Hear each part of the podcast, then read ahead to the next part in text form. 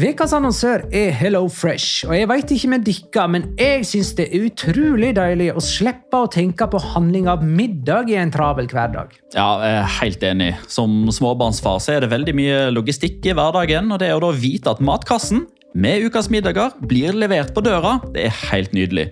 Da slipper du impulskjøp på butikken når blodsukkeret er lavt, og når du kommer hjem, kan du bare ta ut posen med dagens ingredienser fra kjøleskapet og sette i gang matlaginga. Ja, Du kan velge mellom 25 ulike retter hver uke. Og de har faktisk en egen kategori som heter Raskt og enkelt, med masse enkle og gode oppskrifter. Veldig greit å ikke måtte ty til takeaway hver gang det er hektisk på jobb. Jeg gleder meg spesielt til sterk chilikylling i min neste kasse. Jeg blir sulten bare av å tenke på det. Ja, Det er ikke feil med bacon og cheeseburger heller, da. Og det som også er bra, er at matkassen koster det samme hver uke, som gjør det enklere å holde matbudsjettet. Ja, og så blir det ikke matsvinn heller, fordi du får akkurat det du trenger til hver eneste rett. Hello Fresh kan absolutt anbefales, og bruker du koden vår, LIGALOCA, kan du få opptil 1779 kroner i rabatt på de fem første matkastene hvis du ikke har prøvd Hello Fresh tidligere. Du kan også prøve koden hvis du har avslutta abonnementet ditt for tolv måneder siden eller mer. Gå inn på hellofresh.no og bruk koden LIGALOCA. Bon appétit! Hallo? Jeg kommer fra Oslo politikammer. Ine Jansen er purk. Er du purk? The motherfucking bitch. Alt jeg vil, er å finne ut hva som skjedde med mannen min. Jon Carew. Er jeg sikta for noe? Iben Akeli. Det er du. Ole So, Lars Berrum og Big Daddy Karsten. Hvem sin side er du på, egentlig? Anette Hoff, Tone Danielsen, Kommer du fra Afrika? Jørnis Josef, Nesten. Kløfta. Trond Espen Seim. Det er synd å si det, men det var feil mann som døde. Purk. Premiere tirsdag på TV2 Play.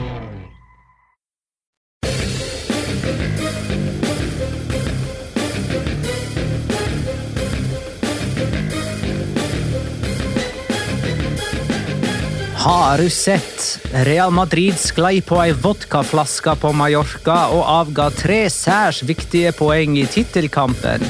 Barcelona benytta anledningen til å få ei åttepoengs luke ved å slå Sevilla, som aldri vinner borte mot storlag, samme hvor mye lesestoff spillerne deres springer rundt med. La liga loca. En litt gærnere fotball.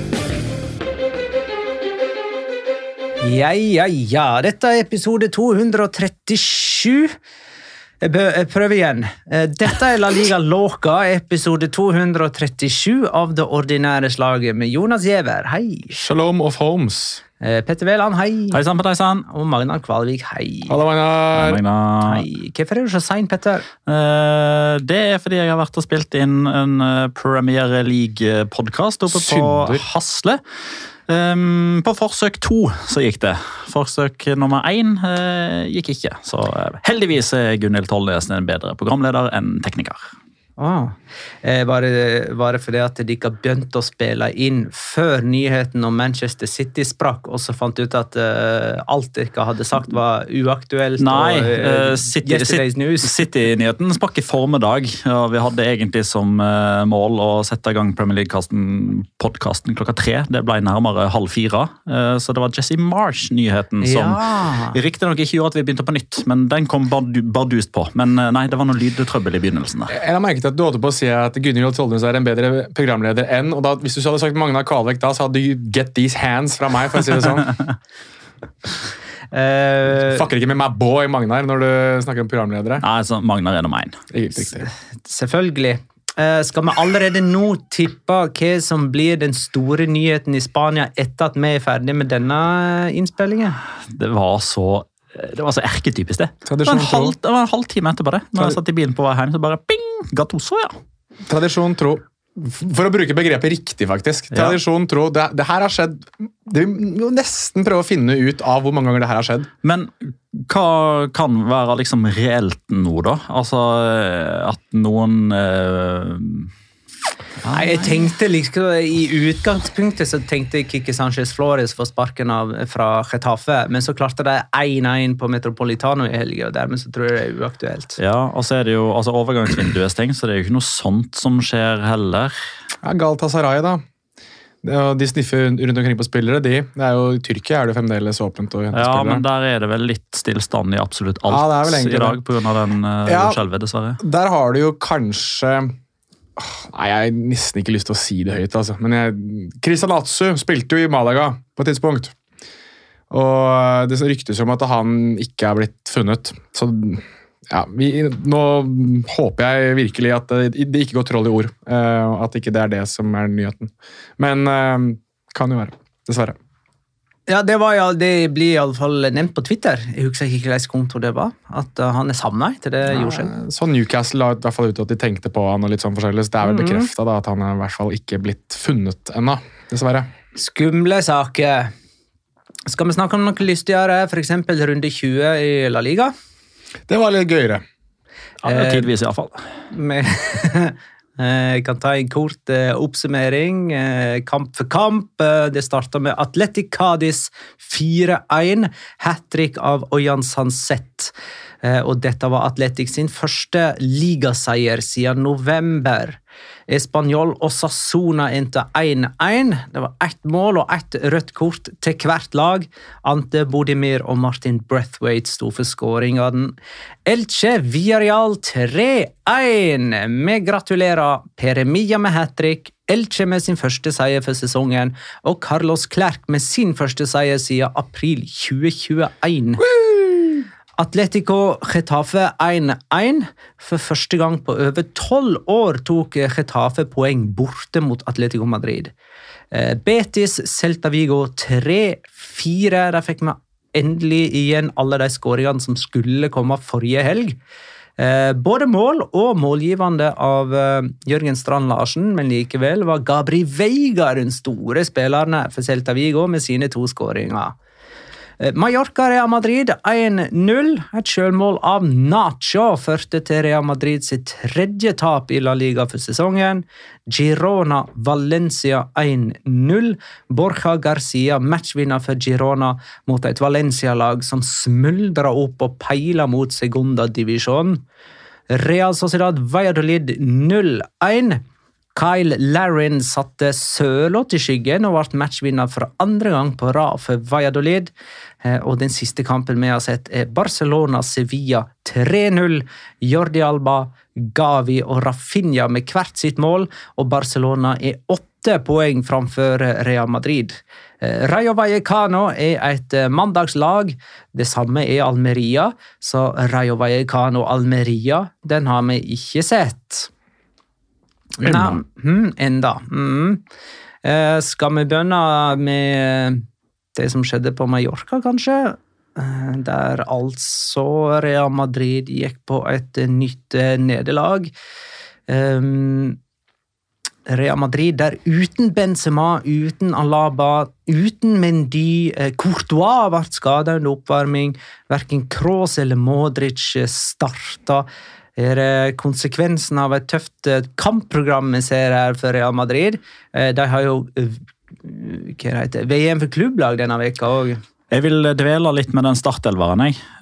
Fordi vi har jo gjentatte ganger snakka om Carlo Angelotti, og at han har sine favoritter, og at det er et generasjonsskifte som er underveis. Og nå er vi da altså i, på serierunde 20, altså det er kamp 1 i andre halvdel av eh, sesongen. Og det er altså eh, I denne startelveren her da, så er jo det selvfølgelig en litt sånn subjektiv eh, vurdering. Det kan hende at det er noen som er liksom, uenig i noen av vurderingene her. Men de starter da altså med Lonin, som ikke er førstevalg i sin posisjon. Og så har de Carvajal, som etter mitt syn ikke har vært den beste høyrebekken til Real Madrid denne sesongen. Det har Militao vært. Han har vært bedre både som back og som stopper for så vidt. Og Lucas Vasques har også fått noe tillit. Men hvis vi legger godviljen til, da, så var Carvajal førstevalget da sesongen starta på høyrebekken. Er han, for, er han for en Adriosola? Ja, eh, så vidt det. Han hadde jeg glemt, faktisk. Ja, ja. Jeg måtte bare Um, minne oss, minne oss på at han eksisterer. Ja. Eh, Nacho Fernandes Antonio Rydiger som stoppere. Ingen av de er førstevalg. Rydiger er tredjevalget. Ja, ja, ja. Eh, Kamavinga som venstreback, ikke et førstevalg når sesongen starter der. Kanskje blir han det på sikt. Valverde er jeg litt sånn i tvil om om han var inne i elveren da sesongen starta, eller om han virkelig bare befesta sin posisjon utover høsten. Men la oss legge godviljen til, så har vi nummer to der. Chouameni henta som utfordrer. Ceballos var ute i kulden da sesongen starta. Ascensio var ikke førstevalget i sin posisjon. Rodrigo var ikke det. Venicius. Da har du den ene som er klink, og så har du to som man kan diskutere. Startelveren én, to eller tre, avhengig av hvordan man ser det. Sammenlignet med Onte de Gala da sesongen starta. Var uh, var han diskutabel her? Jeg har ikke han som et uh, som klart førstevalg i sin posisjon når sesongen starta. Var Casemiro der da sesongen starta? Ja, det Ja, var han jo. ja. Ja. okay. ja, vel, da var Casemiro Jeg mener at Da Casemiro ble solgt, så synes jeg det var ganske åpenbart at det var um, Chouameni. Men, Ja, okay. som, som skulle inn, men det kunne òg være Kamavinga. ikke sant? Ja, ok. Ja, ja. Godvilje og ikke godvilje. Mm, Nå er luka i toppen eh, blitt såpass at eh, eh, statistikerne har begynt å sette henne i en historisk kontekst. Eh, Når sist hadde et topplag en så stor luke etter 20 serierunder? Når sist klarte en utfordrer å tette en slik luke så langt ut i sesongen, osv.? Eh, vel, Barcelona har aldri gitt fra seg åtte poeng på toppen av tabellen, og Real Madrid har aldri klart å tette ei sånn luke. Eh, Så ble eh, La Liga avgjort i løpet av Det er vel egentlig i løpet av åtte serierunder der eh, Real Madrid har tapt tre kamper.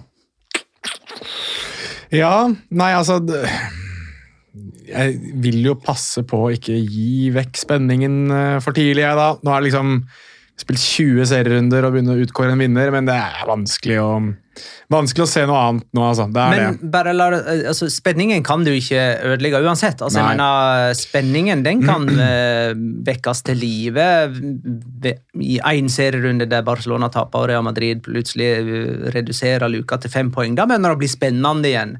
Eh, Mm. Men det betyr jo ikke at de klarer å hente inn igjen. Nei, og det- gjør de nok ikke her heller, men, men det er jo litt sånn Jeg tror at eh, den derre foryngingsprosessen til, til eh, det at det, Real Madrid ikke har eh, klart den prosessen effektivt nok, tror jeg er en av grunnene til hvorfor de nå er litt sånn spredt for alle vinner. da. Altså De skal spille så enormt mange ulike turneringer. Du har på en måte hatt et VM oppi her, hvor du har hatt noen av spillerne som har spilt lenge. Ehm, og de skal liksom ja, nei, jeg vet ikke. Det er liksom mange ting vi kan peke på i Real Madrids tilfelle. Og så har de vært kjempeuheldige med skader. Det er jo en annen ting også. Det, det var det f.eks. ikke i fjor.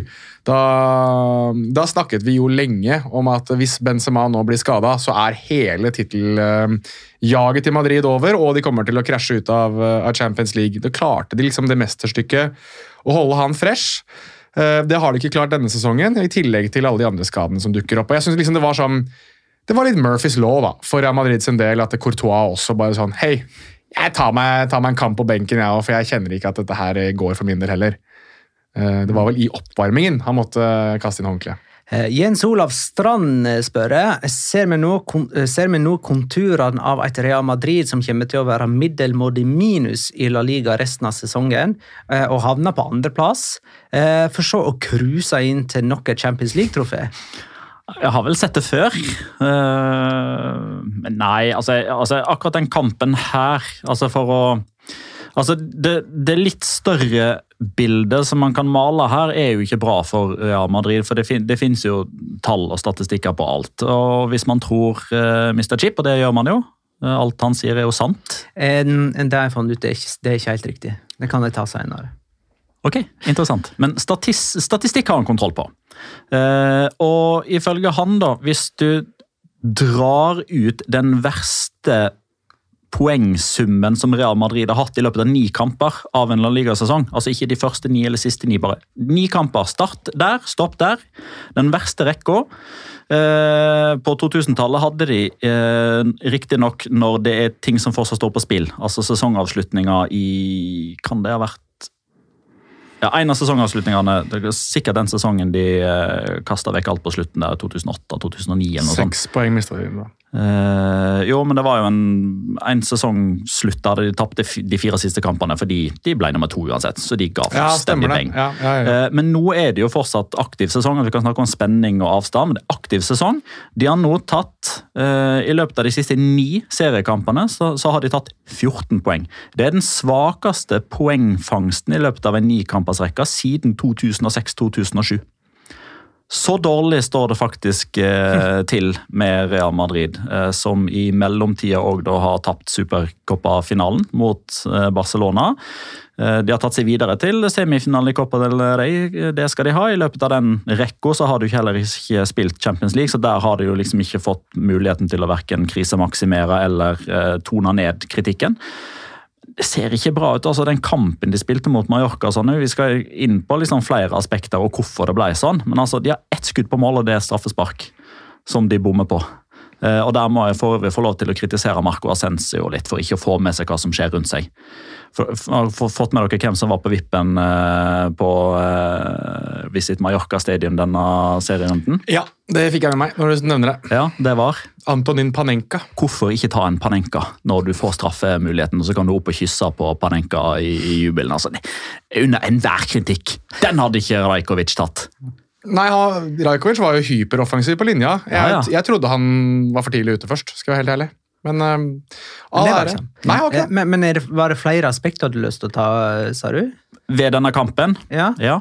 Ja. Altså, det er jo ikke så veldig mye fotballkamp, dette her. Det er jo fotballkrigen versjon 3-0. Jeg liker at du går for liksom 21 reasons why Real Madrid lose football matches. Uh, Ja, jeg skal her. inn og legge den ut på Bleach Report etterpå. Er det nå vi skal snakke om Venicius, eller? Ja, Vinicius, Vi kan snakke om Vinicius, vi kan snakke om Antonio Raio, vi kan snakke om Pablo Maffeo. Det er mye vi kan snakke om her nå, altså. Ørjan spør i alle fall kan de ikke dele litt tanker om Venicius junior og provokasjonen fra motspillere.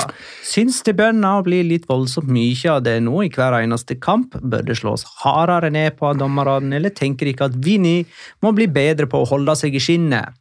Kan jeg, starte med det, starte med det positive her? Jeg er veldig for at spillere, så lenge det ikke går på altså, religion, hudfarge, alle disse tingene her, at de er litt provoserende mot hverandre, det tåler jeg. Det synes jeg er helt greit, med mindre man ikke går over streken, som eksempel Gabriel Palista gjorde da han sparket ned eh, Vinicius Junior sist serierunde. Det, eh, det er å gå over streken, men sånn som Paolo Maffeo som står og så, sånn gråteansikt opp i trynet på Vinicius, og Vinicius som driver og kysser logoen opp til tribunen, og da Antonio Raio som driver og dytter sin logo opp i trynet på Vinicius, altså sånne ting som det, tenker jeg at det er innafor. Altså, det, det er trash-talking. Jeg kommer fra altså 90-tallets basketball, der trash-talking var helt vanlig. Eh, Så lenge man ikke går over streken. Og Det syns jeg ikke Raio gjør. Det syns jeg ikke Maffeo gjør. Og Vinicius Junior som visstnok skal ha sagt til både Maffeo og til Raio at eh, dere begge to må jobbe etter karrieren. Jeg kommer til å ha så mye penger at det trenger jeg aldri å gjøre igjen. Det, det syns jeg også er helt greit. Mest sannsynlig så har han jo rett. Altså, Det er jo det som er poenget. Trash talk er helt fint, så lenge de går over streken. Det som skjer på tribunen, fra supporterne til Mallorca, det vil jeg at vi alle sammen skal ha oss frabedt. Det er eh, forkastelig, og det er enda mer av den.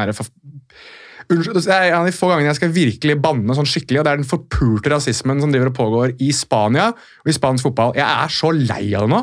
Og jeg kjenner at det, Hver gang det kommer ut nye videoer av det, så kjenner jeg at jeg mister så jævlig troa på folk. altså. Virkelig.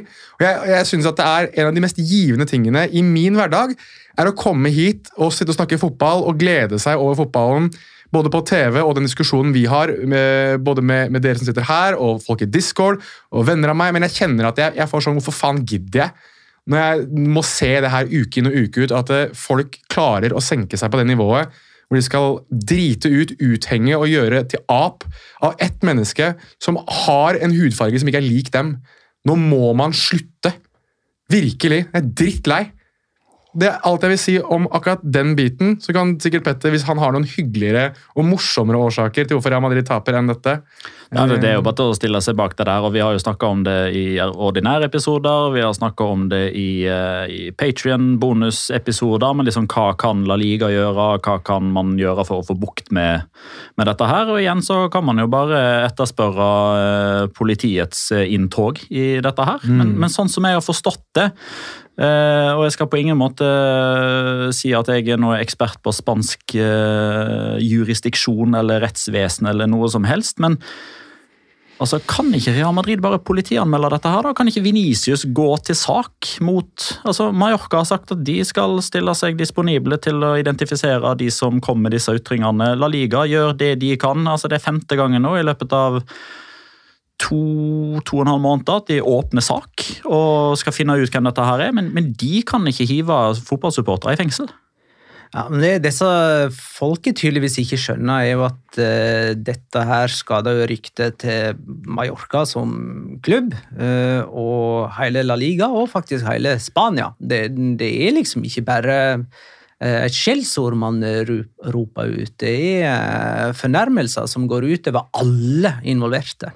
Det er jo mørkhudede spillere på, på Mallorca òg. Altså, det er altså, ja, altså, Hva tenker Amat NGI når han hører dette? Hva tenker han? Ja. ja men, og, og liksom, Hva tenker vel egentlig La Liga når de hører dette? For dette er skadelig for La Liga, og de er opptatt av sitt rykte. Er det. Eh, og hele Spania. Men altså, I Venicius Gate da, så har det jo kommet eh, tall og statistikker nå på hvor ofte han får uh, Og dette her er jo bare en del av sannheten, da, for det, dette er jo så ofte han får frispark. Altså I topp fem-ligaene han er den som var desidert flest. 79 frispark har han fått til nå. Neste på lista er Neymar. Ikke overraskende at det er Neymar som er nummer to, men han er 59. Altså, Vinicius har fått 20 frispark mer enn nestemann på lista av alle topp fem-spillere i La Liga. Og så er det helt sikkert lov til å ta til orde for at han burde ha fått enda flere. At det er flere situasjoner han er altså, involvert i. Han har vel òg fått frispark for noe som ikke var frispark? Det kan man helt sikkert ha, men da kommer det sikkert en sånn der uh, samle frispark. da, At nå har du gått og hakka han såpass mye på at dette isolert seg er ikke frispark, men nå må han nesten bare ta det. Uh, og da er det jo ganske mange som har reagert på, um, i hvert fall fra Real Madrid-hold, at Mallorca i hermetegn bare får fem kort når de lager 29 frispark i løpet av en kamp. Og det 29 frispark er jo topp tre i La Liga enkeltkamper de siste fire årene. Men igjen så vil jeg da be om liksom likhet for loven. For hvem snakker om Eibar sine 30 frispark og null kort mot Uesca i 2020? Ingen. Hm. Eh, nei, men eh, skal vi hoppe videre, da, kanskje? Kan, kan jeg skyte inn én ting? Jeg ble veldig lei meg, eh, fordi jeg hadde jo en eh, jeg er en morsom statistikk jeg ville ta med inn her, men den gjelder jo ikke. fordi det var jo ikke Vedat Morici som skåra her. Det var jo Nacho Fernandez som skåret selvmål. Men den råeste statistikken på lang tid egentlig kommer jo her. For det er jo eh, noe som ikke har skjedd på 32 år, som har skjedd nå. Det er at Mallorca vinner fire hjemmekamper bra 1-0. Først i La Liga som gjør det siden 1990-1991-sesongen. Det var Logroñez. Og da måtte jeg gå inn og sjekke spillerstallen selvfølgelig, til Logroñez. Gjør jo alltid det for å se om jeg kan trekke ut noe som er litt morsomt. Det kunne du ikke. Jo, faktisk. Her òg. Kommer an på hvor man legger lista for hva som er gøy, da. Men i troppen der så var det to stykker som stakk seg litt ut. Kikiset igjen. Oi. Og Manuel Sarabia, pappaen til Eder, som var assistenten til Kikiset igjen i Real Betis og Barcelona. Jeg skulle bare nevne at uh, skåringa minner meg om Hared Borgetti sin skåring scoring for Mexico mot uh, Italia VM 2002. Ja, du kjørte en tweet på det, gjorde ikke du? Nei, jeg kjørte i Discorden, Discord. i Discord, som du får tilgang til gjennom patrion.com. Og i granskauen så det var aktivitet! Ja. på discorden i løpet av helga. Ja, ja. Bare overse alt det som skjedde etter kampslutt Barcelona-Real Betis. Det pleier ikke å være sånn der inne. Da var det litt for mange dårlige ordspill. Det skal selv jeg være med på å innrømme. Det, det var, eh, Barcelona-Sevilla. Ja, Barcelona-Sevilla. Ja, riktig. Nei, men det var enormt bra med liv der i helga. Så jeg, igjen, husk nå, i februar så får du tilgang til Discord og alt mulig annen snacks for 50 kroner gjennom vår, eh, vår Discord, eller gjennom vår Patron, patron.com slash Så det mener jeg at folk burde være med på. Og så benytter jeg anledningen når jeg har den. Tippetipsene går faen som hakka møkk for tida. Altså. Ja, Alt går inn. De gjør det. Alt går inn. Og de får det også tilgjengelig for 50 kroner yes. gjennom Patrion. Mm. David, dette var reklamedelen av eh, podkasten, Magnar. um, ja, Petter var inne på at Mallorca har fire 1-0-seire hjemme på rad. Uh, og ingen lag i de fem største seriene tar så mange poeng med så få mål som Mallorca. De har 28 8 poeng og 16 skåringer. Er 1,75 poeng per mål. Avslutta med en eh, informasjon fra Javier Raes, som jobber for Carusel eh, Deportivo. Radioprogram. Ja. Eh, som visstnok Da har vi jo ikke sett bilder av, eller noe sånt, men som visstnok skal ha truffet på Hernandez Hernandez, eh, kamplederen, på flyplassen i, i Palma etter kampen. og Han skal visstnok ha sagt da til denne journalisten at den kampen her var den vanskeligste han har dømt i hele sin karriere. Og Det handler jo om dette aspektet med at inn mot kamp altså Mallorca de havner i søkelyset fire ganger i løpet av sesongen. Spesielt to ganger. Det er når de får besøk av Barcelona og når de får besøk av Real Madrid. Da reiser Marca, tar flyet over og soler seg i glansen et par dager. og Drikker noen paraplydrinker og har et intervju med diverse Mallorca-spillere som kommer i papirutgaven og så Da, da får Mallorca søkelyset på seg. Denne gangen så valgte Antonio Raio og Pablo Mafeo å benytte all den PR-en på å snakke ned Venicius eh, om at nå skulle han få komme på Mallorca og få kjenne ordentlig fotball eh, og, så og Dette var jo oppbygginga til kampen. altså Hvordan reagerer Mallorca på Venicius? Hvordan takler Venicius å komme til Mallorca?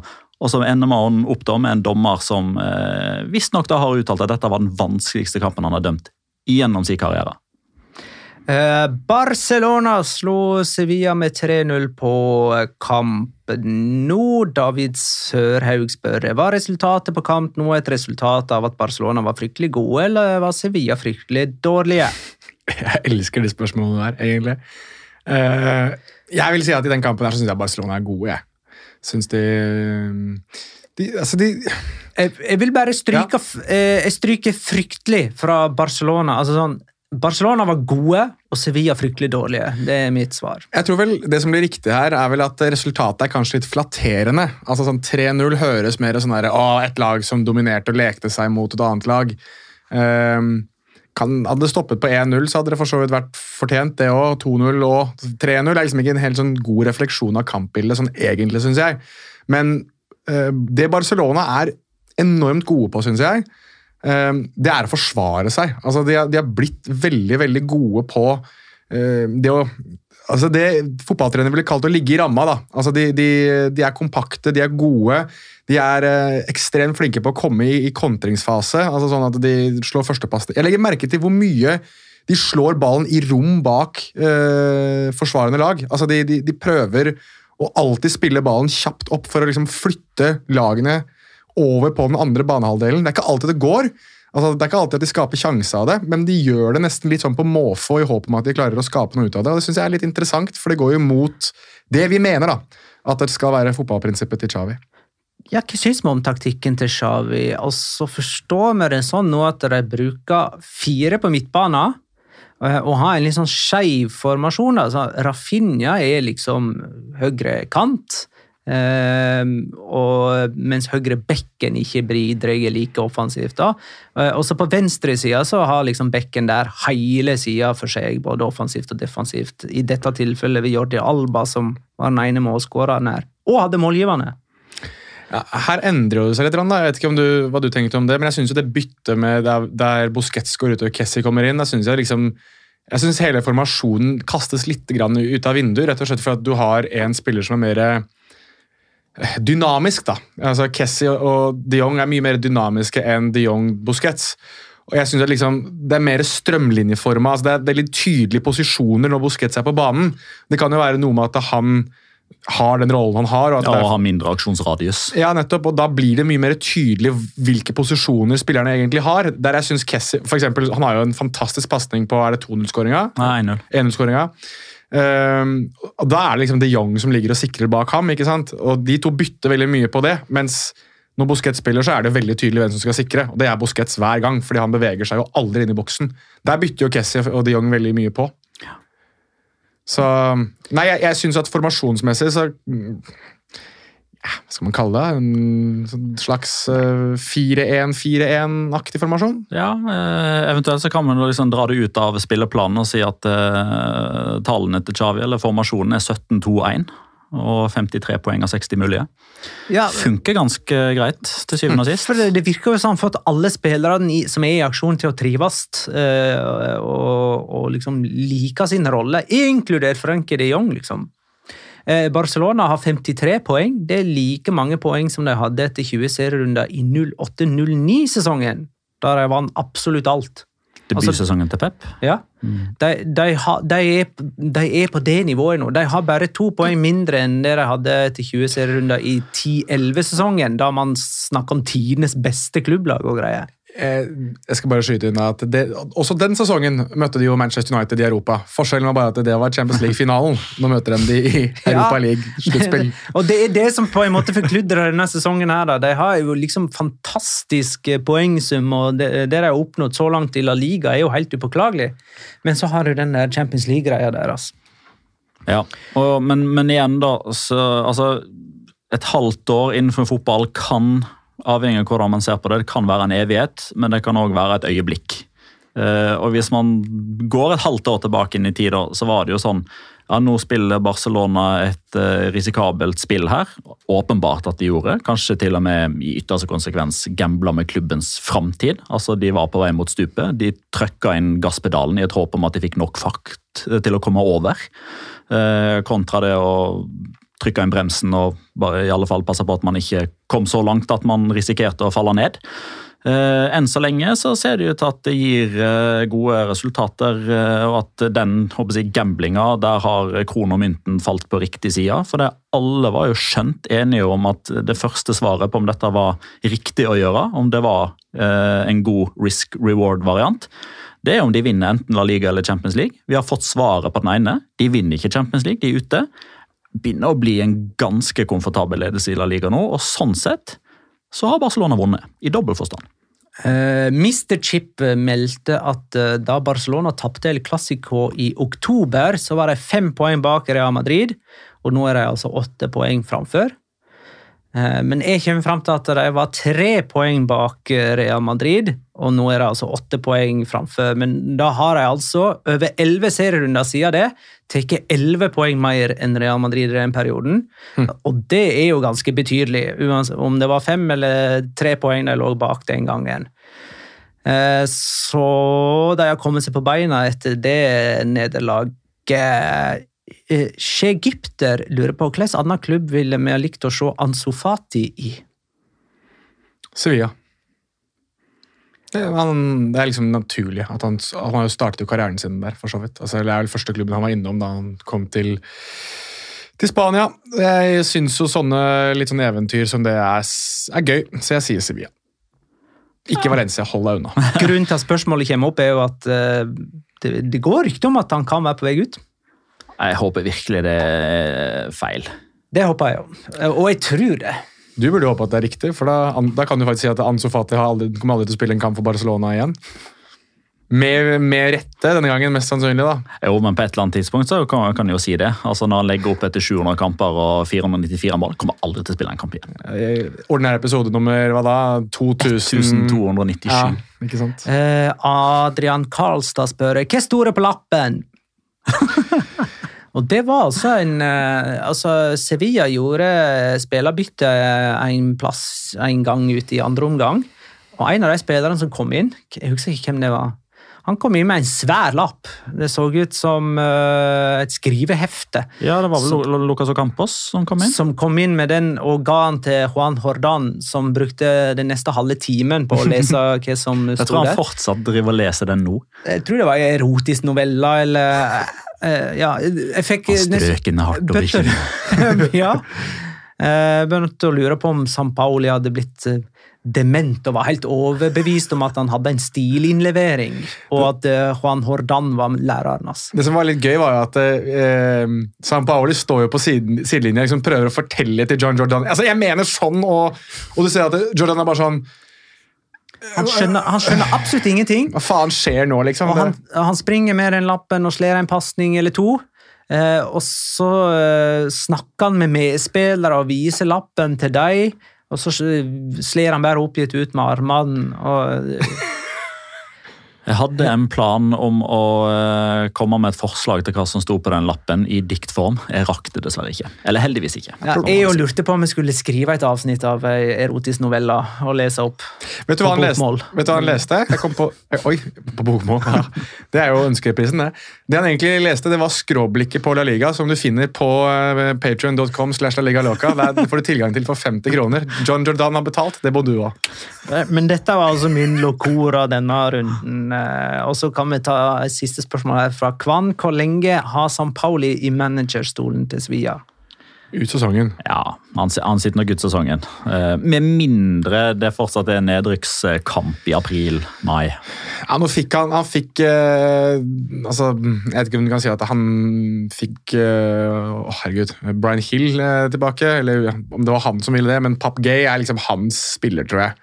Han kommer fra Marseille, og det, der har jo på en måte San Paoli vært treneren hans. Så jeg tipper at det er liksom gesten i hans favør. Så jeg eh, Han sitter nok ut sesong, med mindre som Petter er inne på, at de ligger og vaker helt der nede. Og det kommer de ikke til å gjøre. Nå bytter de og Valencia plass. Sevilla har Mallorca. Sevilla har Mallorca eh, hjemme til helga. Og Barcelona møter Villarreal borte. Interessant den. Eh, søndag klokka ni. Jeg kan jo òg nevne da at Real Madrid ikke spiller kamp til helga pga. klubb-VM. De- Er det Al-Ali de møter i semifinalen her? Al-Hilal, er det ikke det? Ja, ok. Tror jeg er det ikke det? Ja, Enten eller. Det er en av de to. Er. Al-Ali. Al-Ali. Al-Ali. Eh, det er kult. Eh, skal vi se Så møter de Flamengo eller Al-Hilal i en gullfinale. Der har vi det. All right. Flamengo, ikke? gamle klubben til Venicius? Eh, jo, de har jo Gabi Goll, som er den store stjerna deres nå. For de som husker han.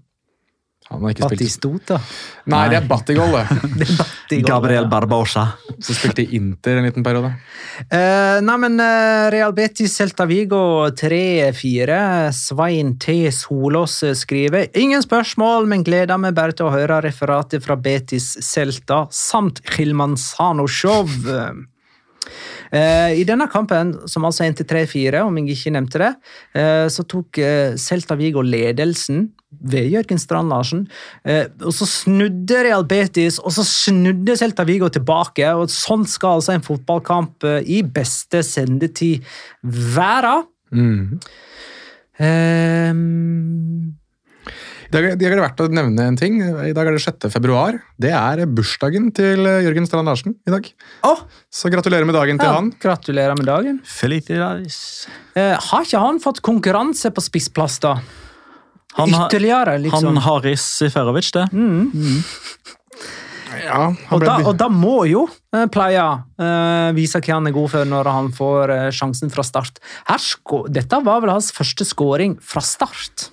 Ja, fra start er det hans første scoring, vel. Um, og for en scoring òg! Ja, det var volleyen sin, det. Det er scoring, altså. Du skal ikke tro at en kar på hans størrelse har mulighet til å få beinet så høyt opp og så banke inn i kassa. Det, er, det mener jeg var kampens scoring, altså. Det er mange, mange timer med yoga som må ligge bak det der. altså. Ja, han tydeligvis går på barneturn eller noe sånt. jeg vet ikke. Han, eh, han eh, skrev for øvrig i en melding til oss i stad at han eh, synes vi er dyktige. Så der har vi, har vi fått lov til å stryke oss selv på ryggen uh, i dag. Hvem som skrev det? Jørgen Strand Larsen. Ah, Jorge så Playa. hyggelig. Han er informert om Jorge Playa-kallenavnet for øvrig. Så er det også sagt. Men, men jeg la merke til uh, Celta Vigo. Det kan jo godt være en sånn der eh, galisisk variant. De har jo litt sånn halvportugisisk uh, skriftspråk slash dialekt oppe i nordvest der. De hadde et nytt, eller i alle fall en ny skrivemåte, da de gratulerte eh, han med dagen tidligere dag. Eh, ellers var det et bilde med han og Gabri Veiga. Han har, de har vel skrevet med en ø. Jeg har klart å lure inn en ø en plass. Jo, men eh, altså, jo, men altså de, de har en, en tweet. altså Hvis du var Gabri, Gabri Veiga, med hvilken emoji ville du ha sett på Jørgen Strand Larsen? Og så legger de ut et bilde av de to. Og da har de skrevet XURXO Larsen. Altså Rå Larsen. Eller jeg veit ikke hvordan en eh, galisisk X uttales, men har du enda en variant. Feliz cumple años. Oi, der har vi den. Jeg tipper, jeg tipper du skulle si at han het Jørgen Strand Larvaljal eller noe sånt. Ja, nå, det, Larvaljal. Skal jeg ta? Eh, George. Det er det galise, den galisiske varianten av George. Altså den Jorge. spanske Jorge. Altså Jorge! Jurjo. Eh, I denne kampen kom for øvrig, bare før jeg glemmer det, eh, rundens bom på åpent mål. Ja. Abner for eh, Real Betis. Og dette er en bom som faktisk kan måle seg med den Gerard Moreno hadde for Villarreal for noen uker siden. I konkurranse om sesongens bom. Jeg vil nesten si at denne her er enda større. Jeg er enig i det. Men det, det ser jo ut som han bare Altså, han sparker jo i bakken. Altså Altså, Han strekker jo ikke ut foten ordentlig, liksom. Det, det, det skal Ja, men Han sparker vel ikke bak, for jeg er ganske sikker på at innlegget går over gresset. Men det er bare at han, han treffer altfor lett, altfor Ja. light på ballen. Ja, han så han får liksom ikke trøkka han i den retningen målet står. Den blir liksom bare mer forlenga. Ja, for Han er redd for mest sannsynlig at han skal få foten langt under ballen og at den blåser over. Så han Ja. håper at er en light touch som gjør at den spretter i nett istedenfor. Eh, Men eh, Gabri Veigar og Jonas? Nei, altså eh, Jeg har sagt det før, jeg sier det igjen. At Luis Henrique Hadde han tatt han med den spanske landslagstroppen, så hadde de slått Marokko i åttedelsfinalen. Og Hadde han hatt med Bryce Mendes i tillegg, så hadde de faktisk vunnet VM. Ja, det er veldig mulig. Men eh, nei da, altså jeg syns Gabri Veiga er eh, vanvittig god i fotball. Altså, Han er så god i fotball at uh, jeg nesten synes uh, det å drive og tulle med um, Carlos Carvalhal sine formasjoner og utbytte og sånt, og det syns jeg nesten ikke han fortjener. Han eh, er voldsomt god, og jeg tipper at, uh, tipper at han, Jeg tror han blir denne sesongen, det blir han jo åpenbart, og ut neste sesong også, men etter det, så hvis ikke han får en flytt da, så mm, Det er jo, det er et, det er en gjennombruddssesong, dette her. Ja, voldsomt. Han er 20 år, eh, og det, det virker nesten som Samme hvor dårlig Celta Vigo gjør det, så har de alltid en eller annen spennende spiller på gang. Som kommer opp og fram. Ja, og det er litt rart å si en kamp eh, Betis slipper inn Nei, Celta slipper inn tre mål, men jeg syns Josef Aido jeg så litt grann av det samme som du var inne på her, eh, Petter. Ja, Bortsett fra det ene Ja, som er ene, ja, den ene, men jeg ser litt grann hva du mener med at han har blitt litt dominant. da. Tar litt mer for seg. Han har jo Syns dere flipperspillskåringa hans er litt morsom her òg, hvor én header ut, og han bare header den tilbake igjen i mål. Det er litt uh... Det er sånn, Borja Iglesias, ballen skal den veien! Og Eido bare nei, den veien! Ja. Nei, men det, det er bra. Mm, Vi har ikke med en Locora herfra. Jo, eh, vi kommer ikke foruten eh, det som skjer fem minutter på overtid. Eh, Men først og fremst så må jeg bare si eh, at den kampen her var så fantastisk deilig. Altså Her var La Liga Loca virkelig tilbake igjen. Og dette her kom jo på tampen av en lørdag som allerede hadde vært veldig, veldig kul og eh, overraskende målrik til La Liga å være for øyeblikket. Jeg følte liksom at det her var liksom en perfekt avslutning på en kjempefin lørdag. Og så kom søndagen, da. Det trenger vi ikke snakke så mye om. Eh, det som skjer, eh, er jo at eh, Iago Aspas eh, er litt sånn 2012 Iago Aspas igjen. Han blir plutselig ti år yngre. og I Celta Vigo sin posisjon så kan jeg jo for så vidt forstå at han tyr til sånne type virkemidler, for han, han lykkes jo med alt han forsøker på der. Og kontekst, Magnar, det er jo at eh, Real Betis skal eh, ta et kast eller et frispark. Eh, Iago Aspa står med ballen i hendene, og vil ikke gi den fra seg, fordi han selvfølgelig skal være uenig i et eller annet. Eh, Luis Felipe, som tidligere denne sesongen ved et par anledninger har vist at han ikke er den som klarer å holde hodet kaldt når det er varmt i toppen. Han løper en 10-12 meter og skal slå ballen ut av hendene på Aspas. Og i samme bevegelse så slår han han da òg i magen og armen. Eh, det som jo da blir litt rart, er at Jago Aspas ligger og holder seg til hodet, men så ser man jo på eh, bildene en gang til. Eh, og der vil jeg si at litt av den kritikken til Jago Aspas har blitt litt for vill, fordi eh, der har for så vidt jeg òg synda, for jeg har også skrevet på Twitter at det er litt rart at Jago Aspas holder seg til hodet der, men det eh, Luis Felipe gjør etterpå, er å faktisk gå og lugge han etterpå, når han ligger nede. Når han skal be han om å komme seg opp, så tar han jo tak i hår, feste, nakke og skal liksom rive han opp. Så at Jago Aspas faktisk får litt vondt der, det skal jeg ikke betvile, men da er det jo Del Cedo Grande som han, han løper raskt mens han holder det røde kortet oppe. Det blir eh, krangling i etterkant med spillere på begge sine benker som får gult kort. Joaquin protesterer på seg et gult kort. Nabil Fekir, eh, Fikir protesterer på seg et, eh, et gult kort. Det er stopp i spillet i tre-fire minutter, som gjør at vi igjen får sånn 100 pluss-kamp. Åh, det var deilig. Og ti utvisninger, da for eh, Real Betis til nå denne sesongen. Ni av de direkte rødt.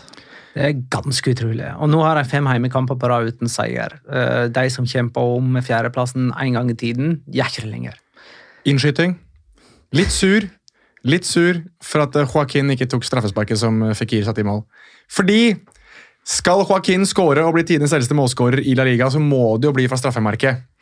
Jeg vet jo ikke hvor mange flere straffer de får, hvor mange ganger Joaquin er på banen tilfeldigvis når de får straffe. Så Ja, Nabil Fikir tok det jo utelukkende fordi Borja Iglesias var bytta ut. ja, ja, åpenbart. Eh, Gabri Veiga var banens beste, men du nominerer en annen spiller til rundspiller likevel, da, Jonas? Nei, jeg gjør det. Jeg gjør det, og det er fordi Gabri Veiga Gratulerer med dagen! Gratulerer med dagen til Jørgen Strand Larsen, som ja. får eh, Jorge Playa. Han får eh, nominasjonen fra meg. Det har litt å gjøre med at Gabri Veiga kommer til å bli nominert til den prisen her sånn typ 30 000 ganger de neste åra.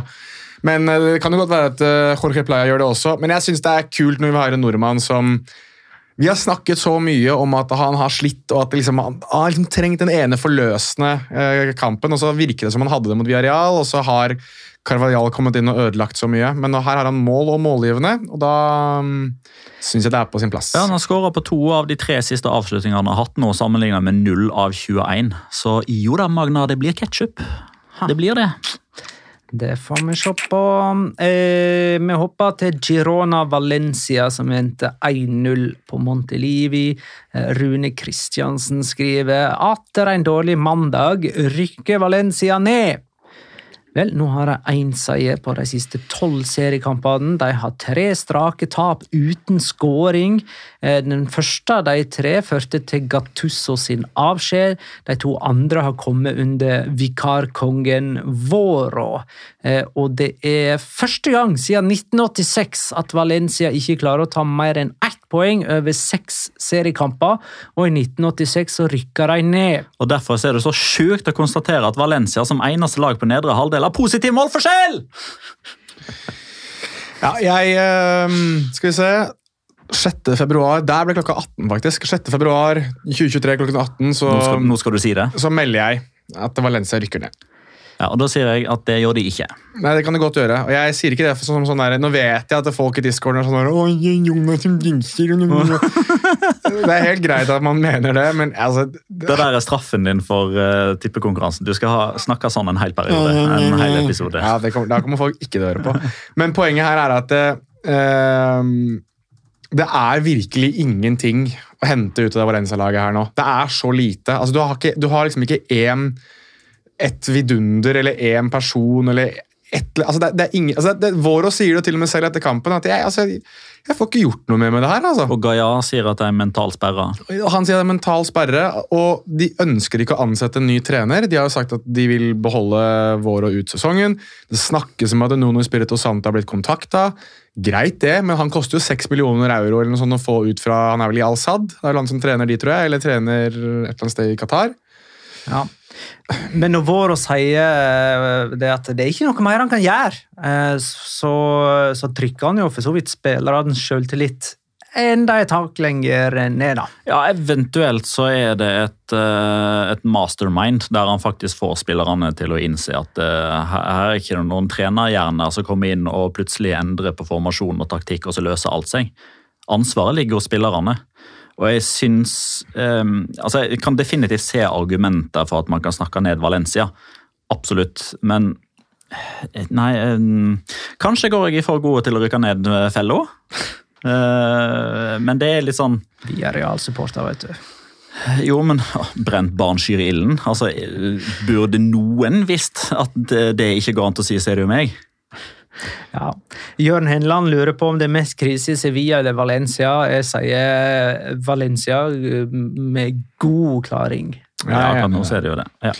Ja, jeg, jeg er helt enig i det, og Jeg sa det vel i- Jeg lurer på ikke det var bonusepisoden vår, eller om det var den ordinære episoden, men jeg, jeg tror at eh, hvis Valencia skal få bukt med nåværende eierskap og faktisk kunne starte på nytt, så tror jeg de må rykke ned.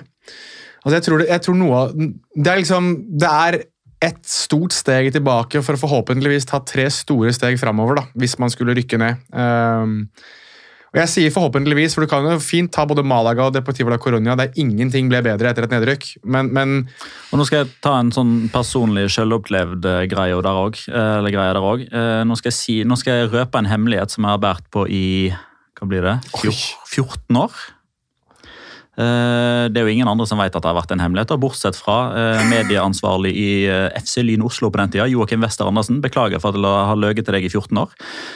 For etter at Lyn rykka ned fra det som da heter Tippeligaen i 2010, nei, 2009, eh, så ble det publisert det som vi kalte for et leserbrev på lyn.no, eh, som visstnok hadde dukka opp i mailinnboksen til han som var webansvarlig eh, på det tidspunktet, som var Petter Wæland. Eh, Jeg sa at nå har det kommet et, en, en interessant betraktning her fra en anonym innsender. Skal vi publisere dette? Dette måtte jo selvfølgelig han godkjenne. Han syntes det var veldig bra skrevet og et eh, fint, liksom, fint innlegg. Han var litt usikker på om han skulle liksom publisere det når det ikke kunne stå noe avsender, for vi visste jo ikke hvem det var. Eh, hovedessensen i det leserinnlegget var at det kanskje var greit å få starta litt på nytt. Eh, få renska litt opp i rekkene, begynne å tenke nytt. eh, få en fresh start, bli vant til å vinne litt, komme tilbake igjen eh, om et år eller to. Um, FC Lynås gikk konkurs uh, og er vel nå på nivå tre i 2023. Den som skrev det leserinnlegget, det var yours truly. Petter Wæland der, altså. Så nei, Så FC det blir ikke nødvendigvis bedre hvis man rykker ned. Så til de FC Lyn Oslo-supporterne som hører på her nå, dere vet hvem dere skal rette all kritikk mot for at klubben deres ikke er tilbake igjen i Eliteserien. Nei, det vil jeg vel ikke si ligger på meg. Men Joakim Wester Andersen kan være litt sint på meg. Okay. Um, Real Sociedad Valladolid endte 0-1. Um, Valladolid henta Kyle Larrin på lån fra Brygge. Han har kommet inn nå mot Valencia og Real Sociedad og skåra matchvinnermål i begge. Han har skåra to mål på 45 spilte minutt. Og Valladolid har sleget Real Sociedad i begge oppgjør. Uh, Real Sociedad hadde sju seire på rad. Nå har de tre kamper på rad uten skåring. Eh, og så kan man jo unnskylde det, da, eh, to av de eh, som var borte mot Barcelona og Real Madrid, men hjemme mot Valladolid. Da begynner det vel å lukte gjentagelse av historien om svikting i andre halvdel av sesongen. Ja, jeg vil, jeg vil litt tilbake til eh, David Silva-tallene, der eh, Real Sociedad vinner 67% av kampene han spiller, og 29% av kampene han ikke spiller. Og den prosenten av kampene han ikke spiller, spiller den- bare blir lavere og lavere. lavere, og lavere. Ja, fordi hver gang han ikke spiller, så klarer de jo ikke å vinne. Nemlig. Eh, Både David Silva og Mikkel Merino mangler, da. Sørloth i stolpen. Nær eh, Han satte en eh, i, tidlig i stolpen, eh, men har ikke skåra etter å ha blitt rundens Ikke rundens, men månedens spiller for januar Ja. i La Liga. Hadde døgnet inneholdt 25 timer, så hadde jeg gått og sett om det var en sånn gjentagende trend. At man får en, en sånn negativ spiral etter å ha fått den. Om det er en sånn jinxepris. Ja, jeg er litt på Åh, Jeg håper ikke det er riktig, men jeg får litt sånn her Å nei, skal Sørloth inn i en sånn inn i en sånn periode nå hvor han kjenner på det? Ja, jeg, òg kan liksom kjenne på en sånn frykt på hans uh, vegne, men jeg leste et godt intervju med, på tv2.no, der Sørloth åpna litt opp, bl.a. om en straffebom som, uh, som tok litt knekken på han uh, for Leipzig mot Armina Bielefeld. Men, men da, da tror jeg liksom en sånn eventuelt prosess eh, hadde starta for ganske lenge siden, eller at det, det var litt lettere å få sånne tanker trigga i en sånn periode, mer enn akkurat nå, når suksessen har vært så nærma. Og så tror jeg òg at eh, dette er mer sånn eh, Jeg tror ikke Alexander Sørloth er der ennå at det er han som gjør Real Sociedad kjempebra eller omvendt. Det er, mer, det er mer det der kollektive at når det er altså Sociedad bra, så får Alexander Sørloth skinne. Når det er altså Sociedad ikke spiller så bra, så er det vanskelige arbeidsvilkår for at Alexander Sørloth kan skinne. Og det er helt naturlig når han er liksom høyeste punktet på banen, både sånn formasjonsmessig og høydemessig. Atletico Madrid, Getafe Nei, Kyle Larin må vi jo ta. Han er jo historisk. Altså, hvor mange spillere har vært i La Liga gjennom tidene? Det vet jeg ikke. Jævla mange, i fall. Han er den eneste som har blitt matchvinner med kampens eneste skåring som innbytter i sine to første La Liga-kamper. Sånn, nå kan du gå videre. eh, til Atletico Getafe, som endte 1-1. Så går vi videre. Eh, Neida. Nei, men Der er det faktisk en gøy ting. Jo, ja det er det. Atletico klarer bare uavgjort hjemme mot Retafe. Getafe. Og likevel så styrker de fjerdeplassen sin, og kommer faktisk også litt nærmere laget i over. Eh, For både Real Madrid, Real Sociedad, Villarreal og Betis tapte denne helga. Det vil altså si at av topp seks så var Barcelona den eneste vinneren denne helga. Ja, det er jo sånn som tabellen slutta, men sånn som tabellen starta, så vant jo ikke Osasona heller. Så får vi se hvordan det går med Rayo. For Atletic tok seg jo Atletic gikk forbi. forbi Osasona, som er på topp sju, faktisk. Mm. Mm, så var det bare én vinner.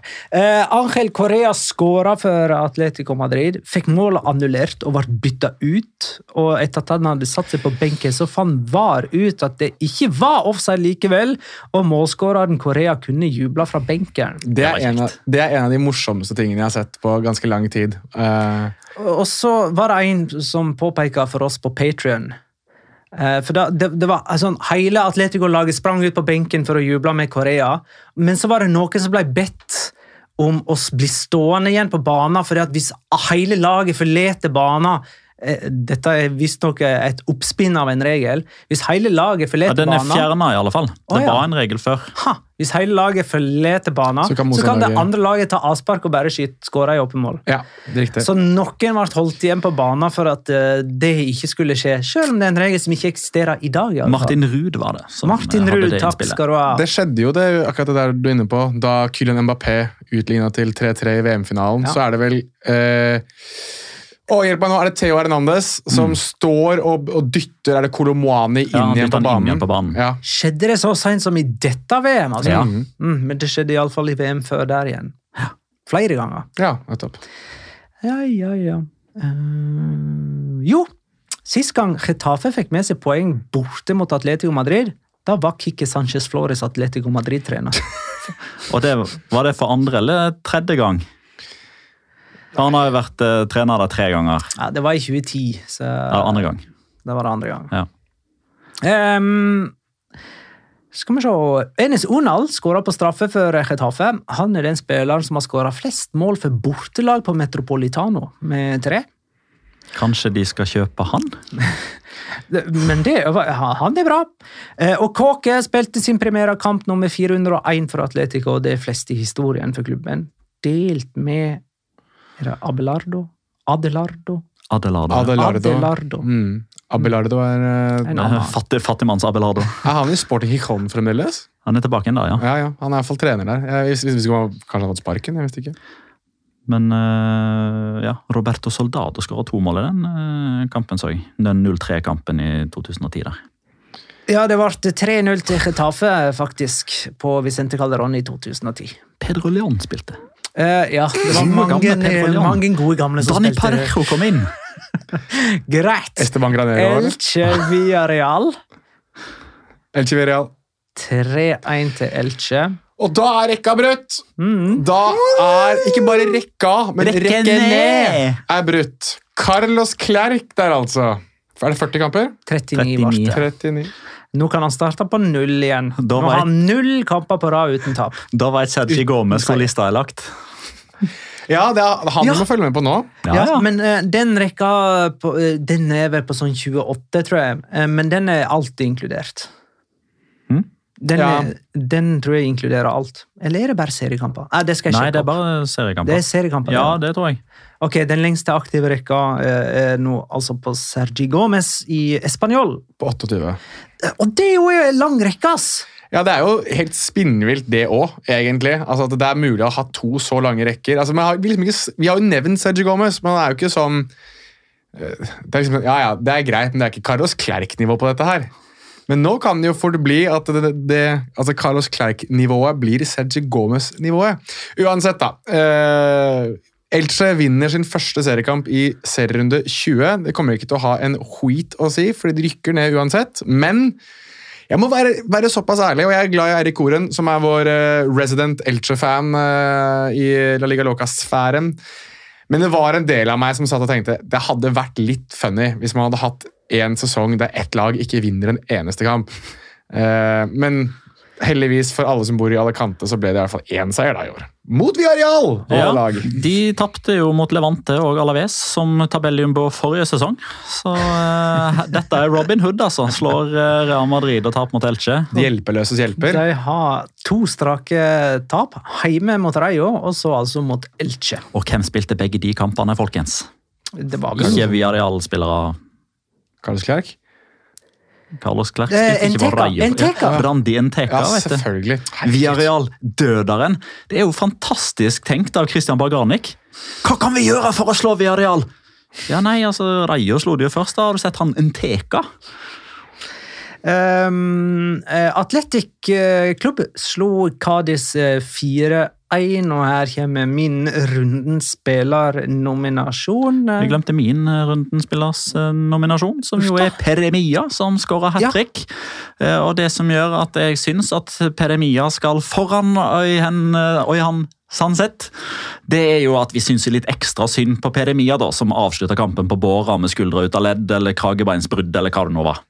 Første Elche-hat-tricket siden eh, 1977, var det vel. Det var Mario Finarolli, for de som husker han. I premiera. Ja. Og, og, og Jan Hanseth skåra altså òg hat trick. Det var to hat trick eh, denne runden, etter at vi hadde null eh, samtlige runder før det. Null på 190, og så to på tre. Ja. Eh, men, og sånn sett var den første, bare sånn at det er sagt, denne La Liga-sesongen med hat trick. Og han er bare 84 dager eldre enn det Messi var da han skåra sitt andre La Liga-hat trick. For dette er jo det andre hat tricket til Ørjan Sandseth i hans primære eh, karriere. Han eh, viser hvor god han kan være. Bare tenk om han hadde vært litt mer stabil. Det var for øvrig, um, ifølge Mr. Chip, som vi, vi fortsatt stoler på Vi velger å gi han uh, the benefit of the doubt. Um, det hat tricket til Ørjan Sanset kom jo i kamp nummer 191 Av Det- for sesongen. ja, av, av sesongen. Og det er liksom det er, Så langt ut i sesongen har man aldri måttet ha kommet før det første hat tricket kom. Den forrige rekorden var tilbake i 98-99. 1989-1990-sesongen. Da skåra Ogo Sanchez sesongens første hat trick i kamp nummer 154. Så det er Alle egentlig ikke. Garantert.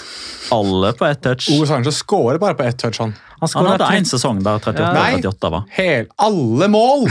Hugo Sanchez skåra bare på ett touch. Han har faktisk kun hatt touch på ballen når han har skåra. Har ikke Ja. vært borti ballen ellers, faktisk. du kan, bare, du kan regne hvor mange touch han har hatt i løpet av karrieren på hvor mange mål han har. Nå snakker vi oss vekk. Eh, vi må òg inn på Español Osasona, som endte 1-1. Og da spilte Sergi Gomez sin La Liga-kamp nummer 27 på rad. uten å vinne. 27, ok. Så han hadde 26 fra før. Eh, og dette var sin din det da, ja. eh, 27. Ja, jeg sa 28, ser du. Eh, så det er korrigert. Uh, jo, men uh, Hilman sa noe med en enkel utvei her, da. Kan man si det, Jonas? Ja, jeg syns det Jeg har aldri noensinne i mitt liv sett en dommer gi fem kort så eh, Symfonisk, er det et begrep? Eh, som, det, som det Hilman Sana gjorde her. Altså, Han var så sint da han ga de fire nei, Først, han skulle jo gi fire kort. Altså et gult kort til både S. Abde, som hadde gull fra før av, og Roneil Pierre Gabriel, som jeg ikke hadde fått med meg noe særlig om før denne kampen her, og kommer mest sannsynlig ikke til å tenke noe særlig på etter den kampen her.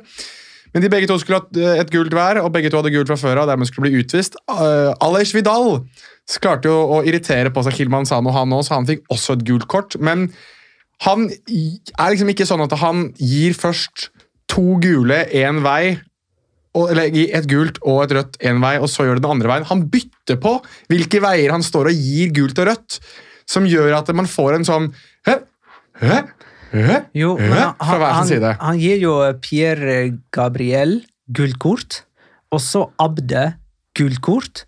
Og så tre, gir han da Pierre Gabriel rødt kort, og så Abde rødt kort. Ja, Men det aller første han gjør, er jo å gi Aleish Vidal gult for protester. Ja. Og så snur han seg da mot Pierre Gabriel og gir gult. Snur seg tilbake igjen, der hvor S. Abde og uh, Alej Vidal har stått. og gir, Nei, omvendt, sorry. Det er Ronald Gabriel som står sammen med Alej Vidal. Gir i hvert fall gult, Han bytter på. altså For hvert kort så bytter han vei han gir kort. Og det ser ut som han står og dirigerer et, et symfoniorkester når han holder på med det. Som gjorde at uh, jeg ba om at noen skulle finne det klippet og legge på da Strauss uh, sin hymne der. Det gjorde Magnus Bernstrøm. Og jeg har altså ledd så mye av det klippet at det er min locora, og det alene er, kjære lytter, nok til at du burde gå inn på patreon.com slash La og bli patron på 50 kroner. Kom deg inn i discorden, se videoen, eller eventuelt så kan du se den gratis på twitter.com slash La Og så er det for øvrig der vi har fått innspillene fra eh, godeste Martin Ruud. Så vi må jo bare svare på det lille spørsmålet som kom der òg, fordi han oppfatta det sånn som at S. Abde fikk direkte rødt. Eh, Men det gjorde han jo da altså ikke. Eh, Og bare sånn For å ta det veldig sånn kort, men spesifikt. da. Det første gule er til Aleix Vidal for protester. Og så får Ronald Gabriel, Pierre Gabriel gult kort. Så får. Abde gult kort, og så viser han det røde til Pierre Gabriel fordi han hadde fått et gult kort tidligere i kampen for en takling på S. Abde. Og så får S. Abde det røde fordi han har fått et gult kort tidligere for å takle Ronald Pierre Gabriel. Og Det er jo også liksom konteksten her, for jeg har sett noen ah, Kan man ikke bare løse dette her med dialog osv.? Tro meg, Hilman og prøvde å få roa ned S. Abde og Pierre Gabriel tidligere. Og da er jeg så enormt fan av det han gjør der. Og bare sånn Fuck it, fuck it, ut, ut. Ja. Litt sånn som med Stefan Savic og Ferran Torres når de eh, hadde gresk-romersk bryting og lugging. Jo, men, Det var rødt kort nummer 80 og 81 i La Liga denne sesongen. Ja, det som er Forskjellen på de røde kortene til eh, Savic og Ferran Torres var bare det at eh, der ville dommer ha kampen blåst i gangen med en eneste gang. Her bruker Kilmanzano litt tid. Det var det som var så kult med den, husker jeg. Eh, vi er jo nesten oppe i rødt kort annenhver kamp i La Liga. Det er jo så deilig. Altså, vi snakket jo om det i stad med Betis også. at de liksom, Det virker nesten som de har tatt det som en sånn der æresgreie, at ingen skal ha flere røde kort enn dem. Det synes Jeg eh, jeg syns det er gøy at det For en liga der det liksom eh, man snakker om at det skal være så mye kort, så tenker jeg at det er greit at de, de røde også kommer. Veldig ofte. Ja, det er de. Uh, eh, har vi blitt enige om at Peremia er rundspiller? Ja, Med tanke på at Elche mm, brøt rekka si, så tenker jeg at det, de skal få den. Da skal, vi, da skal vi tippe. Forrige kamp vi tippa på, var Real Betis mot Barcelona, som endte 1-2, og Rafinha som første målskårer. Eh, dette var altså en midtveikekamp. Eh, jeg hadde 1-2 med Gavi som første målskårer, så jeg får tre poeng. Petter hadde 1-1 med Iglesias som første målskårer, det gir null. Og Jonas hadde 0-2 med Ansu Fati som første målskårer, så det gir ett poeng. Til sammen har jeg 23, Petter 18, Jonas 11. Og neste kamp er Celta Vigo Atletico Madrid lørdag klokka 16.15. Jeg sier 1-2 og Grismann. Jeg sier 1-2 og Jørgen Strand Larsen. Gratulerer med dagen. Eh, Kjelta, Pia Kjelta Vigo. Én Atletico Madrid. Null. Oi. Gabriel Veiga. Så klart. Han starter helt sikkert ikke. Han er helt sikkert bytta ut til 60 uten scoring. Men eh, jeg må, jeg må prøve. Og nå er jeg på tosifra, så da må jeg liksom prøve meg på noen varianter. Eh, Og jeg tror ikke det blir 0-0. Jeg tror det blir en score. Kampen går jo på søndag. Det skåres jo kun en, et, et mål per er kamp. lørdag, søndag. Nei, søndag. Er det søndag? Søndag 16.15. Ah, søndag 16.15. Neimen, kult. Da har ikke vi mer å si i dag. Eh, vi kommer tilbake på Patrion eh, mot slutten av veka med bonus. Da kommer det, det, er Q und A, som de sier i Tyskland. Ja. Eh, takk for at du lytta, kjære lytter. Som du sier i Spania. Ha det, da.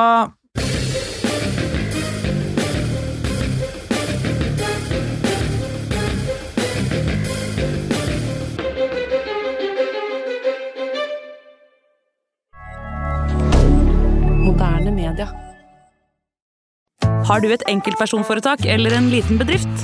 Da er du sikkert lei av å høre meg snakke om hvor enkelt det er med kvitteringer og bilag i fiken, så vi eh, gir oss her, vi. Fordi vi liker enkelt. Fiken superenkelt regnskap.